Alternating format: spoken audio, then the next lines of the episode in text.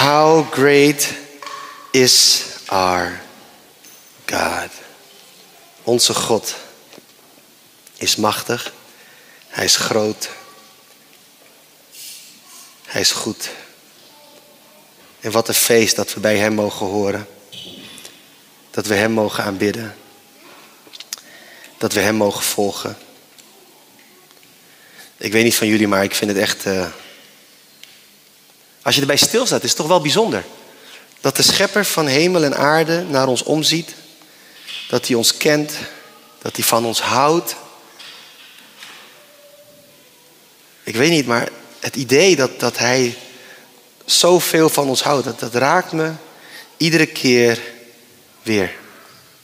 Iedere keer weer. En, en ik wen er ook niet aan eigenlijk. Ik weet niet van jullie, maar het is niet iets waar ik zo snel aan kan wennen. Dat gewoon de schepper van hemel en aarde zegt: Hé, hey, jij hoort bij mij. Ik hou van jou. Echt mooi, toch? Oké, drie mensen vinden het ook mooi. Leuk dit. Zie, daarom hou ik zo van Reconnect. Ze praten zo enthousiast terug altijd. hey mensen, ehm, de afgelopen weken zijn we bezig met een serie genaamd Jezus is. Verschillende onderwerpen kwamen al voorbij. Jezus is God, Jezus is mens, Jezus is overvloed, Jezus is de bron. En vorige week hadden we het over Jezus is rust. Rust met een T, niet rus, dat is wat anders. Maar Jezus is rust. En vandaag gaan we verder met het volgende onderwerp. En eerlijk gezegd vind ik het best een spannend onderwerp. Want het onderwerp van vandaag is Jezus is genezer. Jezus is genezing. Hij is onze geneesheer. En wat ik zo spannend vind aan dit onderwerp is dat ik met het heel mijn hart geloof dat Jezus alles en iedereen kan genezen. Maar tegelijkertijd zie ik ook zoveel mensen niet genezen. En ik geloof absoluut niet dat dat te maken heeft, of dat het altijd te maken heeft met te weinig geloof of iets in die richting. En natuurlijk, de Bijbel spreekt erover dat we moeten geloven. Maar er zijn genoeg voorbeelden van diepgelovige mensen die niet zijn genezen. Die zijn er. We hebben net gebeden voor Mike. En voor hen die dat verhaal niet weten, ik, ik deel het, want we hebben natuurlijk de afgelopen tijd, jaren kan ik wel zeggen, hebben we er wekelijks voor gebeden. We hebben gebeden, we hebben op de bres gestaan voor Marijke. We hebben als kerk om haar heen gestaan, om hun heen gestaan. En, en Marijke heeft, heeft de strijd van de ziekte nou, wel gewonnen eigenlijk, want ze droeg het met kracht en met waardigheid. Maar ze is wel overleden en dat, dat, dat breekt ons hart. En, en als ons hart al breekt, laat staan Mike. Dus we zien dat het niet altijd gebeurt. En daarom vind ik dit eigenlijk een heel vervelend onderwerp. Mag ik eerlijk zijn met jullie? Ik vind dit echt een rot onderwerp.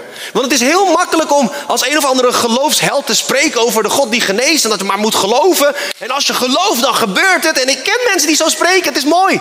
En het is heel leuk. Totdat er iemand is van wie je heel veel houdt. Voor wie je heel veel gelooft dat die persoon genezen wordt. En dat die persoon niet genezen wordt. Maar ik geloof nog steeds dat God de genezer is. Snappen jullie dat spanningsveld? En, en, daarom vond ik het heel vervelend dat God dit onderwerp op mijn hart legde. Ik geloof echt dat Hij dit onderwerp op mijn hart heeft gelegd. E, echt vervelend. Niet leuk. En voor mensen die het niet weten, wij als gezin zijn naar Nederland gekomen. Ik, werd, ik was toen negen maanden oud. En dat was omdat ik een broer had die leukemie had. En in Indonesië konden ze hem niet verder helpen. We zijn naar Nederland gekomen, hier konden ze hem wel verder helpen. Uiteindelijk is hij toch overleden. Ik werd twee, hij is op mijn verjaardag. Op mijn tweede verjaardag is hij overleden. En toch geloven dat Jezus genezer is. Maar we zijn echt diep geconfronteerd. Vooral mijn ouders, die, die, die een zoon moesten begraven, die hebben het meegemaakt van heel dichtbij.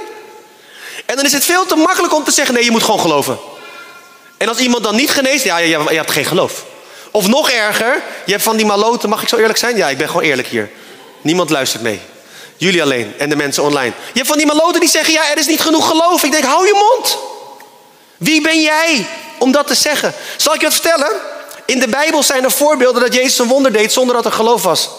Geloof je me niet? Daar gaan we zo meteen naar kijken. Wordt heel leuk. Dit wordt een overdenking, is echt leuk. Het gaat ons enorm ontslaan van de drive dat het van ons afhangt. En dat we veel meer gaan vertrouwen op die God die alles in zijn handen heeft. En dat we hem niet altijd snappen, dat, dat, dat staat boven alles duidelijk. Dus ik kan je nu al zeggen, aan het eind van deze 20 minuten heb je niet alle antwoorden. Heb je nog steeds vragen, Maar dan heb je in ieder geval iets meer kennis met vragen. Leuk hè? Dit wordt een bemoedigende preek. Dus dit is zo'n onderwerp waar voor mijn gevoel enorme spanning op staat. En ik wil het toch vandaag behandelen, omdat ik met heel mijn hart geloof dat Jezus de genezer is. En ik het belangrijk vind dat we de Bijbel laten spreken rondom dit onderwerp. Ik wil beginnen met een bekend stuk uit de eerste brief van Petrus.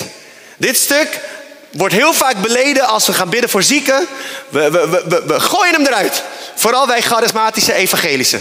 We, hoppakee, we strooien ermee als confetti. Daar staat, hij heeft onze zonde gedragen met zijn lichaam aan het kruishout, opdat wij, dood voor de zonde, rechtvaardig zouden leven. Door zijn striemen bent u genezen. Wanneer je volledig focust op het tweede deel van dit vers, dan zou je zomaar de tekst verkeerd kunnen interpreteren. En daarmee de kracht van deze tekst missen. Want het begint niet met genezing, maar het begint met genade.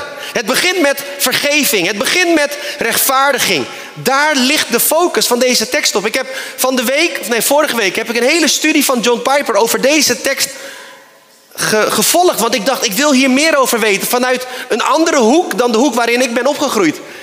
En ik dacht, die man gaat heel mooi uitleggen wat betekent door zijn streamen bent u genezen. Maar ja, ik was ook vergeten dat er een heel stuk daarvoor staat. Dus 20 minuten, 25 minuten had hij het over wat daarvoor staat. Hij heeft het over zonde gedragen met zijn lichaam aan het kruishout. Opdat wij, dus de reden dat hij dat heeft gedaan, vinden we nu. Opdat wij dood zouden zijn voor de zonde, rechtvaardig zouden leven. Het doel van Christus lijden is dat wij dood zijn voor de zonde en daardoor rechtvaardig kunnen leven. En daarna en daarna pas volgen de woorden: Door zijn striemen bent u genezen. En zie die woorden nu in het licht van wat we net hebben gezien. Jezus heeft geleden, zodat wij dood zouden zijn voor de zonde en rechtvaardig zouden leven voor Hem. Welke genezing hebben de striemen van Jezus ons gebracht? Natuurlijk, ik geloof met heel mijn dat Jezus ons lichamelijk kan genezen. Dat is appeltje eitje voor Hem. Ik bedoel, als Hij de hele aarde heeft gemaakt, dan kan Hij ons genezen. Dat, dat, is, dat is niet zo moeilijk. Hij sprak en het gebeurde. Maar er is iets wat veel, tussen aanhalingstekens, moeilijker is. Waar het niet genoeg was voor God om te spreken, maar waar God mens moest worden, moest lijden, naar het kruis moest gaan, moest sterven, zijn leven moest afleggen, moest opstaan uit de dood. En dat is zodat wij dood zouden zijn voor de zonde en rechtvaardig zouden kunnen leven. Zou het zomaar zo kunnen zijn wanneer Petrus hier schrijft over genezing, dat het over een genezing gaat die veel verder gaat dan ons aardse lichaam? Een van mijn favoriete sprekers, Francis Chan. Ik moet rustiger praten. Oh ja, sorry. Ik, ik ben enthousiast. Dank je. TGV, ja, ik ga een beetje snel. Sorry jongens. Oké. Dit is Gilbert in enthousiaste modus. Een van mijn favoriete sprekers is Francis Chan. En Francis Chan heeft een preek. En die is, die is best wel, die is volgens mij redelijk viral gegaan op, op YouTube, op internet. En dan heeft hij het over, heeft hij een enorm lang touw bij zich. Heeft iemand die preek wel eens gezien? Is machtig. En dan heeft hij één rood stukje van het touw, heeft hij een klein stukje rood gemaakt. Ik denk zo'n stukje. En dan spreekt hij erover dat God kijkt naar ons vanuit de eeuwigheid. God heeft de eeuwigheid in het vizier. En wanneer hij naar ons kijkt, dan verlangt hij ernaar dat wij met hem zijn in de eeuwigheid. Dat is het doel. Daar gaat het om. En dan vertelt hij dus hoe wij soms zo gefocust zijn op dit aardse leven. Vooral in het Westen. In het Westen kunnen we er wat van. Ik heb met mensen gesproken aan de andere kant van de Evenaar. En die zeiden, ik ben zo gezegend. Ik heb alles wat ik wil. Ik ben, eh, God ziet naar mij om. God is erbij. En dan kijk ik rond naar in hun kamer waarin ze dat vertellen. En dan hebben ze helemaal niks. Echt niks. Misschien één tv. Maar dat is het. En een ventilator. Weet je wel, ze moeten keihard werken. Ze hebben net genoeg eten voor elke dag. De kinderen kunnen. Ze hebben net genoeg geld om naar school te gaan. Eh, die mensen maken zich niet druk waar hun volgende vakantie naartoe gaat. Want ze gaan nergens naartoe. Waar wij hier in Nederland ons druk kunnen maken over, nou gaan we vliegen dit jaar of toch maar naar de camping. Nou, het is een beetje, ja, het is niet zo, we moeten even sparen, we gaan naar de camping. Weet je wel, dat zijn onze problemen. Eh, niet iedereen, maar veel van ons hebben dat soort problemen. Of dat we denken, nou, gaan we een nieuw huis kopen of gaan we verbouwen? Snap je? Of deze, deze hoor je ook wel eens. Oh, het geld is op, we moeten even stoppen met verbouwen. Is heel vervelend, maar die mensen hebben niet eens geld om te verbouwen. Soms is hun dak gewoon lek. Water komt binnen en toch zeggen ze: Ik heb alles wat ik nodig heb. Waarom? Hun focus is niet op het aardse leven. En Francis Chan gaat dan verder. God heeft de eeuwigheid voor ogen. En dan zei hij: Om een illustratie te geven van de eeuwigheid, pakt hij dat touw. En dat touw is meters lang, misschien 20, 30, 40 meter. Heb je dat kleine rode stukje en zegt: Dit is ons aardse leven. En dan nu de eeuwigheid. En dan begint hij dat touw door zijn handen te laten gaan. En dan het gaat maar door. En het gaat maar door. En het gaat maar door. Weet je, ik geloof met heel mijn hart dat God ons kan genezen aan deze kant van de lijn. En ik geloof dat hij dat ook soms doet. Dat er soms wonderen gebeuren en dat we dan bemoedigd worden en dat we dan juichen. En ik geloof ook dat we moeten bidden voor genezing. Laat dat heel duidelijk zijn. Maar boven alles geloof ik dat onze focus moet zijn op dat hele lange touw. Die eeuwigheid. En als Petrus hier schrijft, door zijn streamen bent u genezen. Als je het opzoekt bij allemaal commentatoren, de meesten zijn het erover eens dat Petrus hier spreekt over heelheid. Genezing die veel verder gaat dan ons aardse lichaam, maar genezen voor de eeuwigheid. Dat we de belofte hebben dat we op een dag voor de troon van God staan, zonder ziekte, zonder schuld, zonder pijn, zonder wat dan ook, volledig vrij van alles. En dat we Hem kunnen aanbidden met het engelenkoor, met alle miljoenen heiligen, dat we één groot feest hebben in de hemel. Dat is waar we voor gaan. Dat is zo veel krachtiger. En ik geloof dat die woorden, zijn streamen bent u genezen. Door zijn streamen bent u genezen. Wanneer we dat zien in het licht van wat we net hebben gelezen. Jezus heeft geleden zodat wij dood zouden zijn voor de zonde. En rechtvaardig zouden leven voor hem. Dat het een genezing is die veel verder gaat dan ons aardse lichaam. Is het zo langzamer, Esther? Oké. En wanneer ik kijk in de Bijbel, zie ik iedere keer weer dat genezing een doel heeft. Het doel is eigenlijk nooit genezing op zich. Maar iedere keer weer zie je dat mensen dan mogen ontdekken hoe groot, liefdevol en trouw God is. Een ander stuk. Dat is ook leuk. Net lazen we wat Petrus schreef. En nu gaan we naar een stukje over Petrus. Petrus en Johannes in Handelingen 3, ook een heel bekend stuk. Handelingen 3, vers 1 tot en met 10. En daar staat, op een dag gingen Petrus en Johannes zoals gewoonlijk omstreek het negende uur naar de tempel voor het namiddaggebed. Men had ook een man die al sinds zijn geboorte verlamd was naar de tempel gebracht. Hij werd daar elke dag neergelegd bij de poort die de schoon heet. Goed opletten. Hij werd daar elke dag neergelegd bij de poort die de schoon heet. Om te bedelen bij de bezoekers van de tempel. Toen hij zag dat Petrus en Johannes de tempel wilden binnengaan, vroeg hij om een kleinigheid. Petrus richtte zijn blik op hem, evenals Johannes, en hij zei: Kijk ons aan. De bedelaar keek naar hen op in de verwachting iets van hen te krijgen. Maar Petrus zei: Zilver of goud heb ik niet, maar wat ik wel heb, geef ik u. In de naam van Jezus Christus van Nazareth, sta op en loop. Hij pakte hem bij zijn rechterhand om hem overeind te helpen en onmiddellijk kwam er kracht in zijn voeten en enkels. Hij sprong op, ging staan en begon te lopen. Daarna ging hij samen met hen de tempel binnen, lopende en springend en godlovend.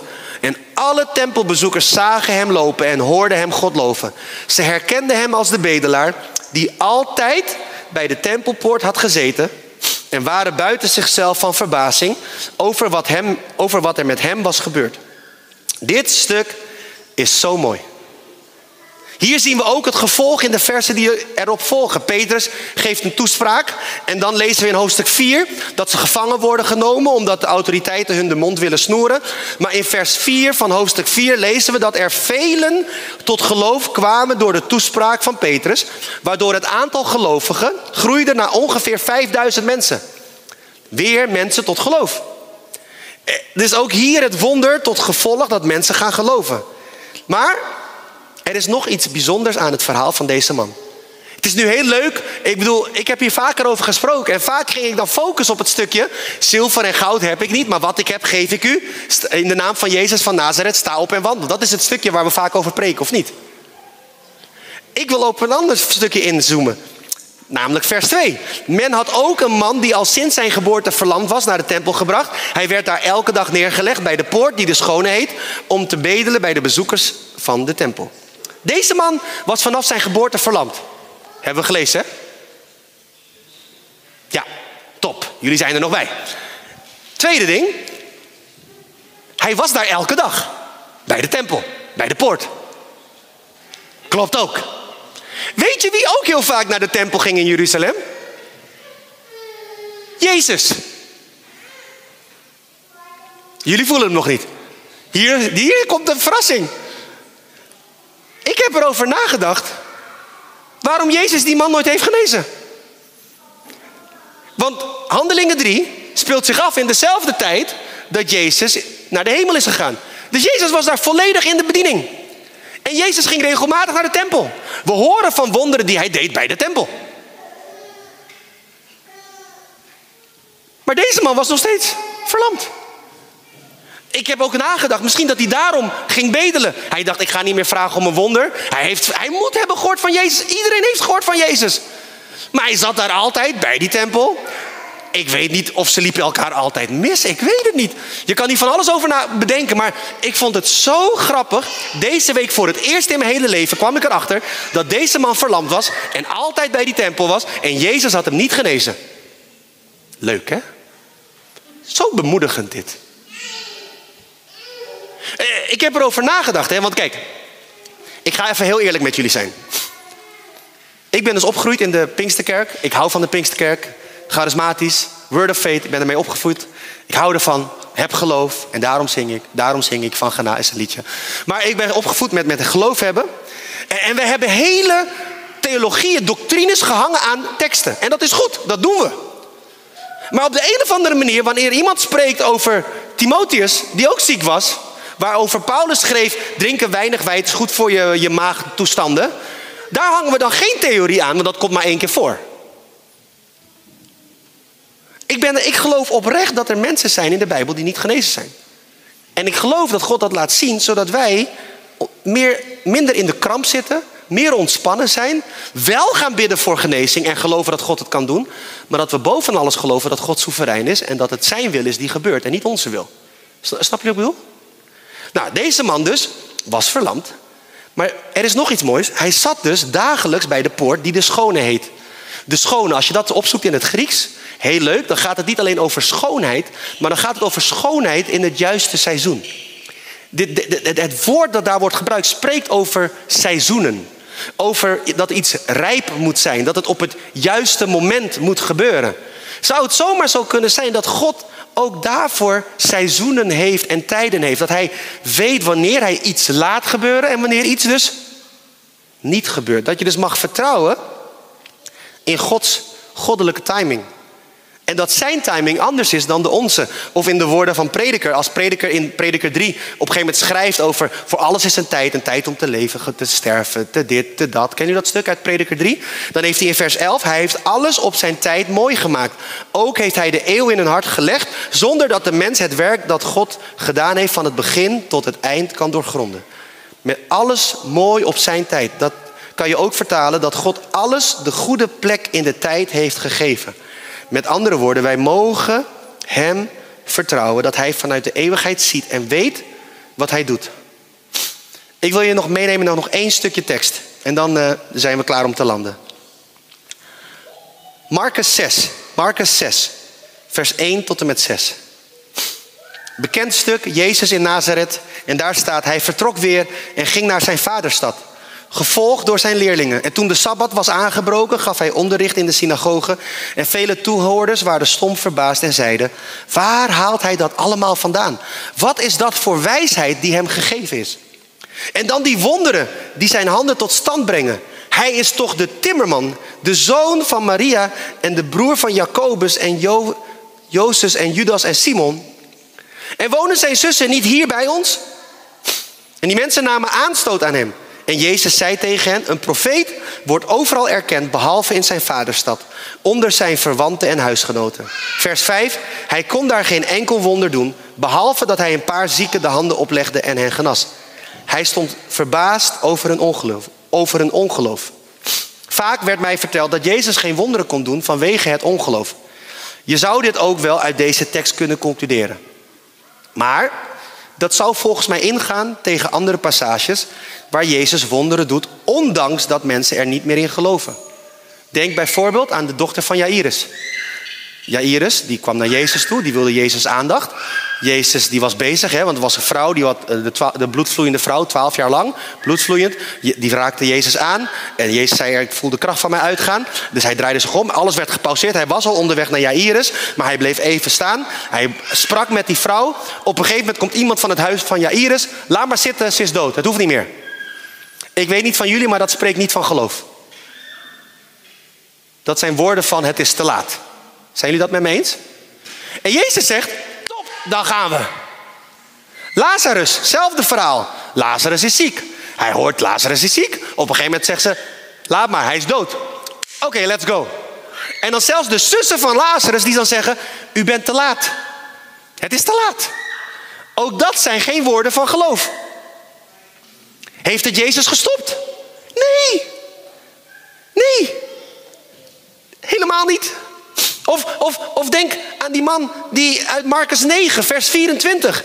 Die heeft een, een dochter die ziek is. En dan zegt, zegt die man tegen Jezus: Ik geloof, kom mijn ongeloof tegemoet.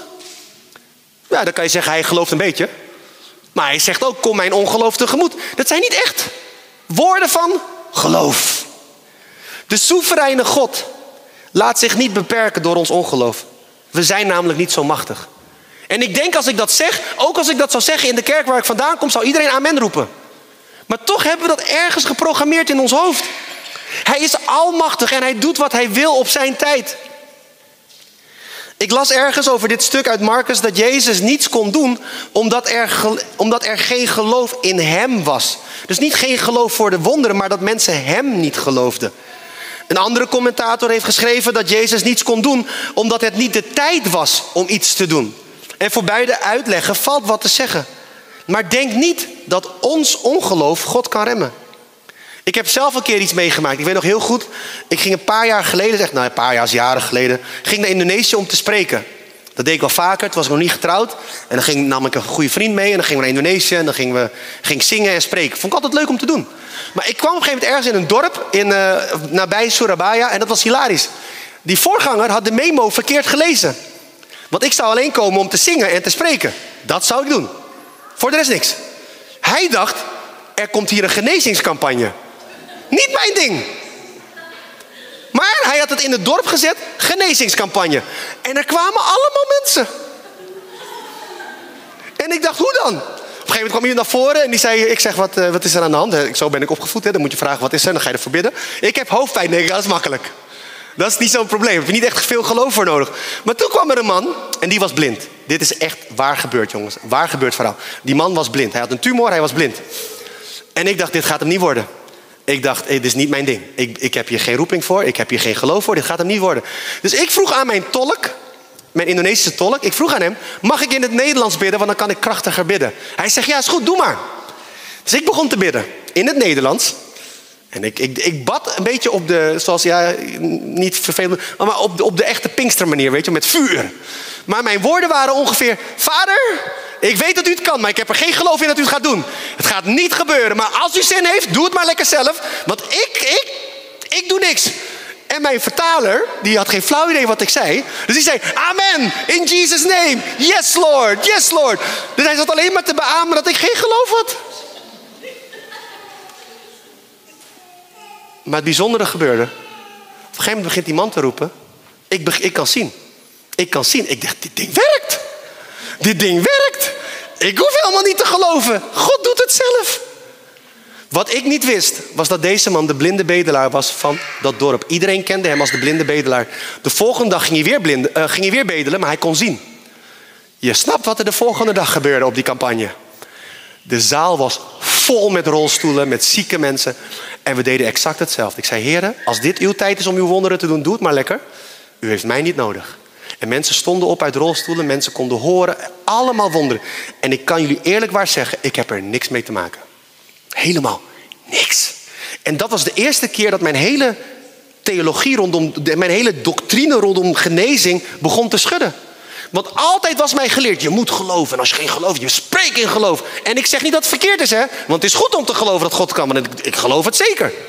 Maar ik dacht een beetje dat het afhing van mijn geloof. Dat als ik maar genoeg geloofstof in de, in de weegschaal gooide... dat die weegschaal dan zou kantelen en dat er een wonder zou gebeuren.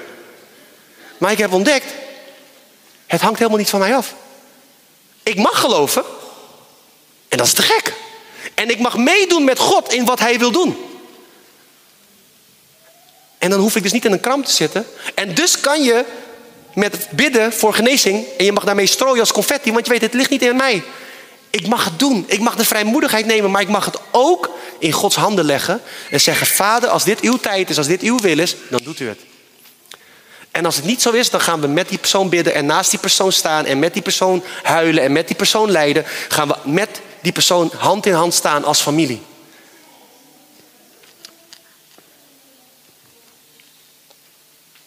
En ik denk dat dat het belangrijkste is. Want dat is kerk. Dat is kerk. En wanneer God dan een wonder doet, dan vieren we dat met elkaar. En wanneer het wonder niet gebeurt zoals wij dat willen,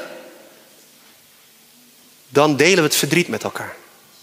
Maar hoe dan ook het wonder gebeurt, wat er ook uitkomt, of iemand wel genezen wordt. Ik, ik heb de meest krachtige gelovige mensen mogen ontmoeten die helemaal niet genezen zijn.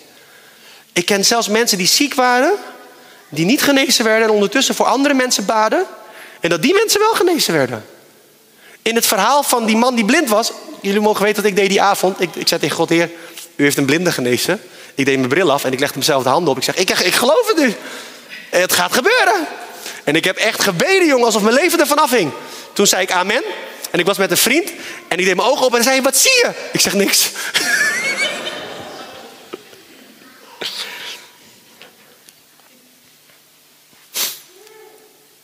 Maar lieve vrienden, het is dus goed om te geloven. Maar ik ben enorm dankbaar dat God niet afhankelijk is van mijn geloof. Als hij afhankelijk was van mijn geloof om zijn wonderen te doen, dan had de wereld een probleem.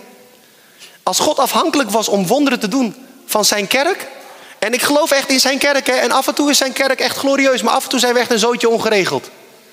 Af en toe zijn we zo aan het bakkeleien met elkaar over doctrines en dan zijn we zo bezig met elkaar, terwijl er een wereld verloren gaat. Ik ben zo blij dat God ons niet nodig heeft, maar dat hij ons wel wil gebruiken. Snap je het verschil?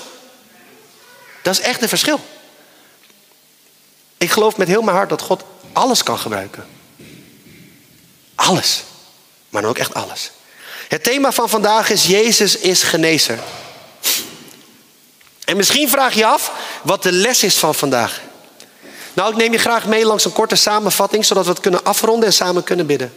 Allereerst zijn streamen hebben ons genezing gebracht. Een genezing die veel verder gaat dan ons welzijn hier op aarde, maar haar uitwerking heeft in de eeuwigheid. En ja, dat kan dus ook betekenen dat het nu al begint. Dus nogmaals, ik geloof met heel hart in genezing. Ik geloof met heel hart dat we moeten bidden voor genezing. Dat we mogen bidden, vrijmoedig mogen bidden voor genezing. Het mogen uitspreken, mogen uitstrekken naar God.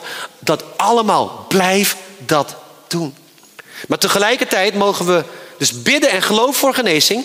Maar laten we dat dan doen in vertrouwen en geloof. Wetende dat Hij een plan heeft dat ons plan overstijgt. Dat plan begrijpen we vaak niet.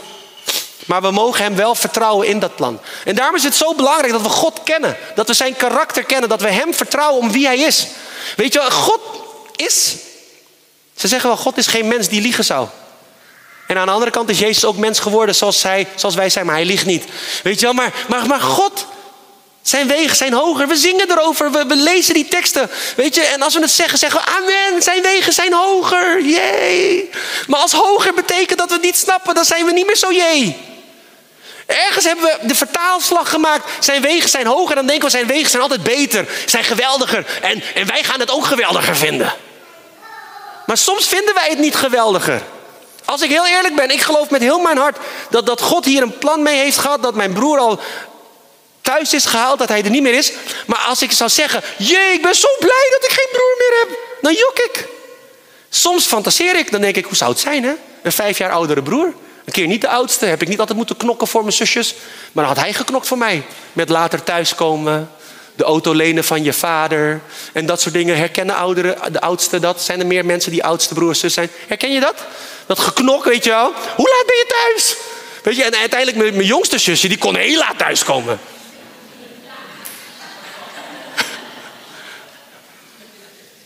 Het zou leuk zijn als, als ik een oudere broer had. Of stel dat hij, dan denk je ook, stel dat hij zou leven. En dan zou hij getrouwd zijn misschien. En dan kinderen. En dan zouden Isa en Vee met, met, met zijn kinderen kunnen spelen. Dat soort dingen, daar denk ik over na. Dus ja, als ik zeg ik geloof dat Gods weg beter is. Ja, geloof ik. Maar of ik het altijd leuk vind? Nee. Snappen jullie? Maar dat is de gebrokenheid van het leven. Maar ik mag God vertrouwen, want God is echt goed. Want door dat alles heen is Hij goed. Zijn trouw is tot in eeuwigheid. En daarom mogen we Hem vertrouwen. Vertrouwen zijn karakter. Dus we mogen vertrouwen hebben in dat plan, wat we niet begrijpen. We hoeven het niet te begrijpen, we hoeven het alleen maar te vertrouwen.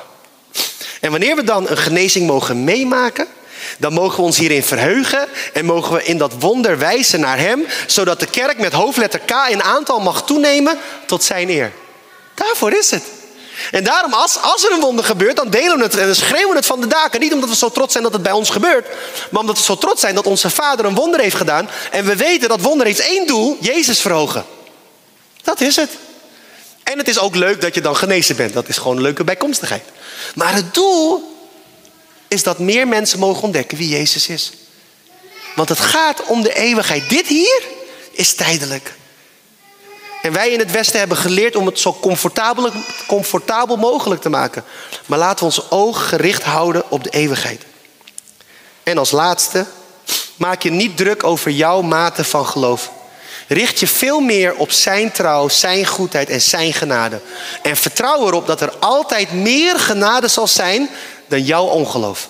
Er zal altijd meer genade zijn dan jouw ongeloof. Vertrouw erop. Echt waar. Ik bedoel, ik kan ervan getuigen. Ik heb een blinde zien genezen. Van zo dichtbij. Oh ja, dit is het leukste van het verhaal. Na drie dagen campagne, volle zalen, was echt te gek. Komt die man naar voren bij het, voor, het, voor het zondaarsgebed. Die man komt naar voren. Die ex-blinde man, die nu kon zien. Snap je? Die man. En die zegt, ja, ik geloofde ook helemaal niet in Jezus. Ik kwam hier drie dagen geleden voor het eerst. Maar nu, nu ik dit allemaal heb gezien, met eigen ogen wil ik hem volgen. Hoe dan? Ik geloofde niet, hij geloofde niet en toch deed God een wonder. Echt waar. Waar gebeurt het verhaal? Ik jok niet. Ik weet niet of die man nog steeds leeft. Ik weet het niet. Maar eh, in, in een dorpje nabij Surabaya. Mijn pa kent die voorganger. Ik weet niet eens meer wie die voorganger is. Alleen die man heb ik nog onthouden. Die voorganger ben ik alweer vergeten. Maar die man zal ik nooit vergeten. Ik was zo in shock toen hij na drie dagen zei: Ik geloofde niet in Jezus. Maar na alles wat ik heb gezien, nu wel. Dan denk ik: Ja, Nogal wie dus, je was blind, nu kan je zien. Je hebt al die mensen zien opstaan uit rolstoelen. Tuurlijk geloof je nu.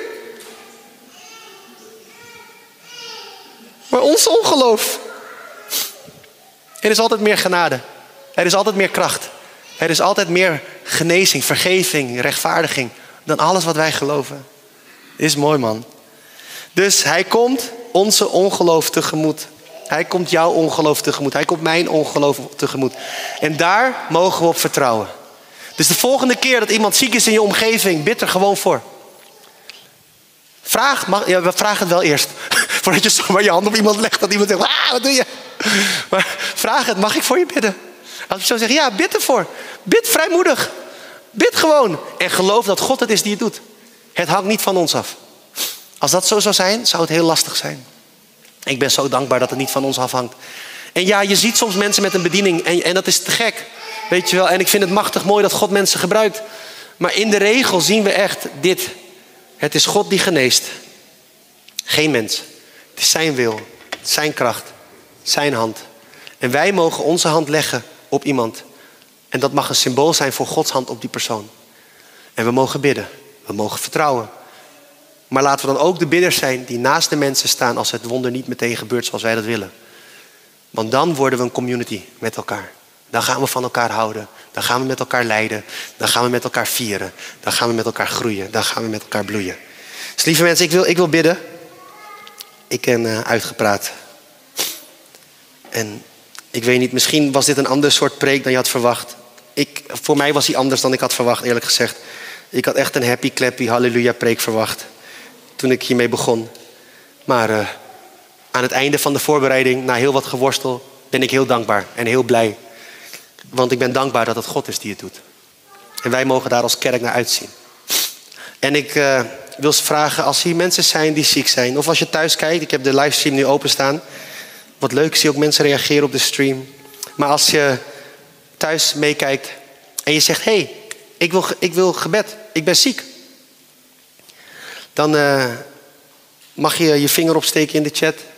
Je mag hier je hand laten zien. En dan gaan we bidden. Maar precies zoals ik dat heb gezegd. In het geloof dat God kan genezen. En dat hij het soms doet. En soms doet hij het anders. En heb ik daar antwoorden voor? Nee. Ik weet het niet. Ik ga er ook geen antwoorden voor bedenken. Maar wat ik wel wil doen is zeggen dat we hem altijd mogen vertrouwen. Hem altijd mogen geloven. En dat zijn weg altijd de beste weg is. Ook wanneer we het niet snappen. Dat is het lied van het leger des heils. Hè? Gods weg is de beste, de beste altijd. Gods weg is de beste, waarheen hij jou ook leidt. Gehoorzaam zijn roepstem, neem je kruis op en volg hem. Gods weg is de beste, de beste altijd. Dus als je thuis meekijkt en, uh, en ook als je later terugkijkt, ik ga sowieso bidden. En God weet toch wie zijn hand opsteekt. En als je, of als je hier bent, laten we onze ogen sluiten.